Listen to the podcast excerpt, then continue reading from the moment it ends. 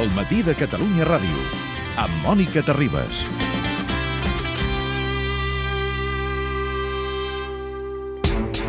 En ruta per les dues Europes. En ruta per les dues Europes. Viatgem per un continent fracturat per la crisi.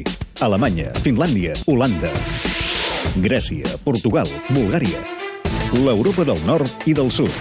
Quan falten pocs dies per les eleccions europees, Cèlia Cernades i Sergi Roca ens expliquen què hi passa. I què hi passa a Bulgària i a Finlàndia? Sergi i Cèlia, bon dia a tots dos. Hola, bon dia. Bon dia. Drugo.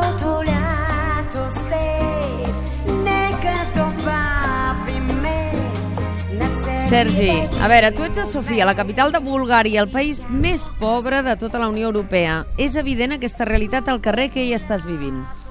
Sí, sí, es nota sobretot eh, les dificultats dels búlgars de la capital per subsistir. Un noi de fora de Sofia, recepcionista Sí? eh, d'un hotel, em deia és que no pot ser, cobro 1.000 lefs, la, la moneda búlgara, uns 500 euros al mes, més o menys, i amb això m'haig de pagar un lloguer de 250 euros, la llum i, i uns aliments al menjar, que, que estan caríssims. I ell té sort, eh, de fet, perquè el seu mitjà és d'uns 400 euros. Clar, no és el seu cas, però almenys molts búlgars en un país agrícola com és aquest fa que, en general, si més no, el menjar el tinguin eh, assegurat eh, sobre la taula. Ara bé, hi ha minories eh, al límit de l'exclusió social, com per exemple els, els Roma, els gitanos. A Sofia eh, he anat al seu barri conegut com la Sí? Facultat, la Faculteta, eh, on n'hi viuen 50.000. 50.000, es calcula que en tot el país n'hi ha uns 800.000 doncs allà el principal mitjà de transport que hi veus és el, el carro un cavall, no, no els agraden els mitjans de, de comunicació, eh? la que treia el micro eh, deien ui. Però sí, sí, i, i, i demanaven explicacions als, als que m'han acompanyat fins a, Sí. fins a aquest barri. Eh? Sí. Um, un d'ells, en tot cas, ha, ha parlat, a, a mi m'explicava que, que venia d'estudiar i que ell, a diferència de molts dels seus amics, doncs eh, va optar per aquest camí eh, i no per casar-se als 13 anys amb una nena de 12, que aquest és un dels principals i greus problemes en, aquest, en aquesta comunitat. Això és Bulgària. Saltem a Finlàndia. Hankon,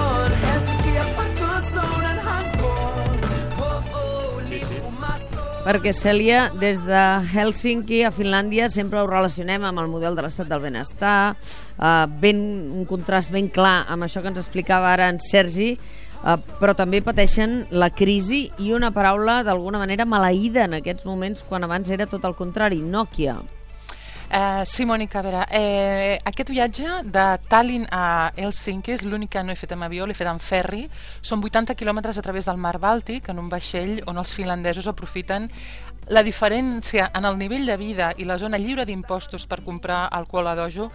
Per tant, és un estret d'aquest del mar Bàltic que separa dos mons, l'ex-Unió Soviètica i els països nòrdics, amb una renda per càpita, en el cas del Helsinki, que és set vegades més alta que la de Bulgària, set Mhm. vegades més alta, una ciutat caríssima, on al centre un pis et val 8.000 euros al mes, un pis de... Ai, perdona, un 8 8.000 euros al metre quadrat, comprar un pis al centre del Helsinki, per tant estem realment parlant de dos mons totalment diferents. Dit això, hem de dir que els finlandesos no estan optimistes eh, i la paraula que ho explica tot és Nokia. A veure, el col·lapse de Nokia l'any passat és el primer tema que treuen tots els finlandesos en qualsevol conversa, qualsevol persona que car pel carrer, qualsevol persona que li pregunti sobre el seu país.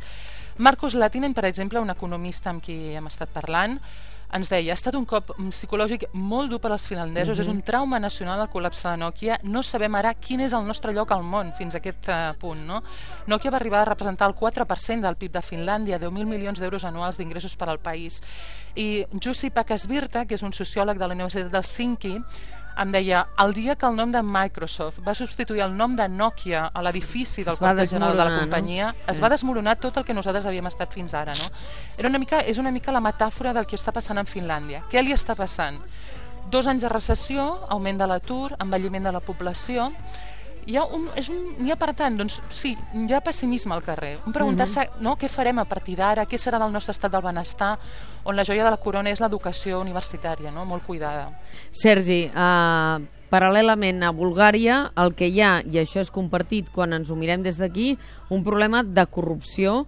Avui en parlàvem, però com afecta a Bulgària aquest problema en el desenvolupament del país?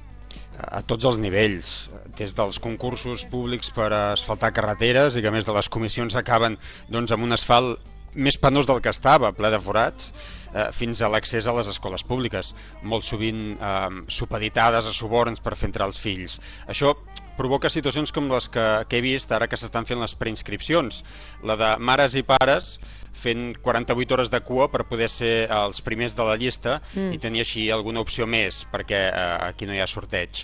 Eh, L'any passat, una pujada del rebut de la llum va provocar grans protestes socials, eh, recordareu que van fer caure el govern Sí. búlgar, però després hi va haver més protestes amb el, amb el govern que va sortir, no? encara més, per casos de, de clientelisme. Eh, davant del Parlament eh, encara hi ha tanques, fins i tot, per, per si de cas. Eh, mira, jo no sé si és per desfogar-se de- d'aquesta situació de corrupció, però aquesta nit de cop i volta he sentit com uns trets des de l'habitació de l'hotel. Què dius ara? Eh, eh, he baixat Sí? perquè...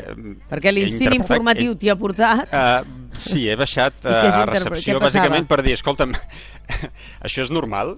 Uh, diu, sí, a veure, a, a vegades agafen la pistola i disparen trets en l'aire de casa seva.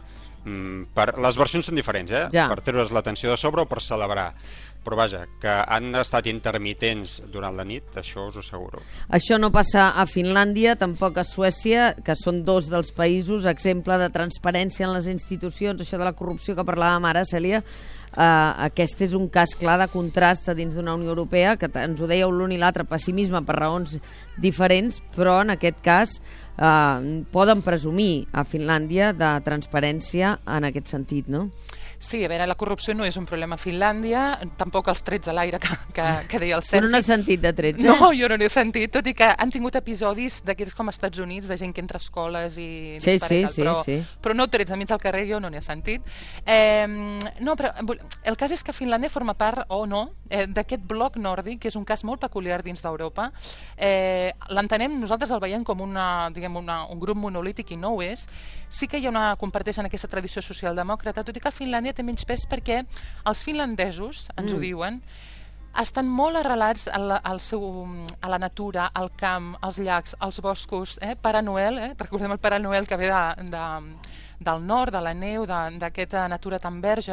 Llavors hi ha una tradició política camperola molt important. Mm -hmm. L'altre punt en comú és l'estat del benestar, però a partir d'aquí hi ha diferències. Eh? O sigui, els finlandesos on més s'emmirallen és sempre en Suècia. I un, parlàvem amb, amb Johannes, que és un analista financer molt jove, amb qui conversàvem mentre fumava una cigarreta, encara hi ha gent que Sí. fuma aquí a, a, a Helsinki, i ens deia, el, el moment clau va ser quan nosaltres vam entrar a l'euro i Suècia no, no? I em deia, un dia estava a la sauna i comentàvem, ai, aquests suecs que no han entrat a l'euro, que tindran molts problemes perquè no han volgut entrar a l'euro, i diu, bueno, ara mirem com està l'economia de Suècia i de Finlàndia, potser els llestos van ser els suecs.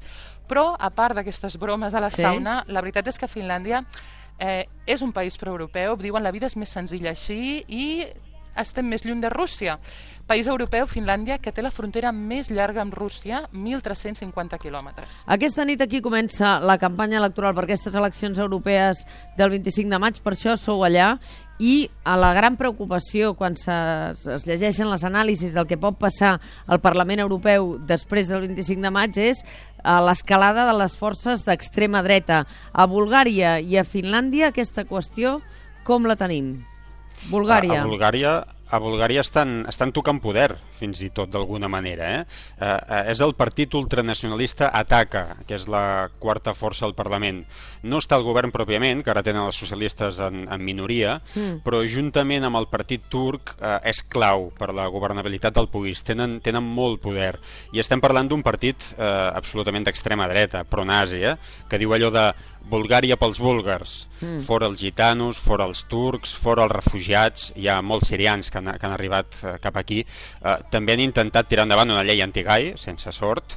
Eh, a la vegada, però, tenen algun tic, curiosament, d'extrema esquerra, perquè aposten per nacionalitzar totes les companyies estatals. En tot cas, ara ha les europees i clar, aquesta vinculació que es fa amb el, amb el govern doncs els, potser els hi provocarà un cert desgast a, a les urnes, però, però vaja, que són un partit fort, això és així.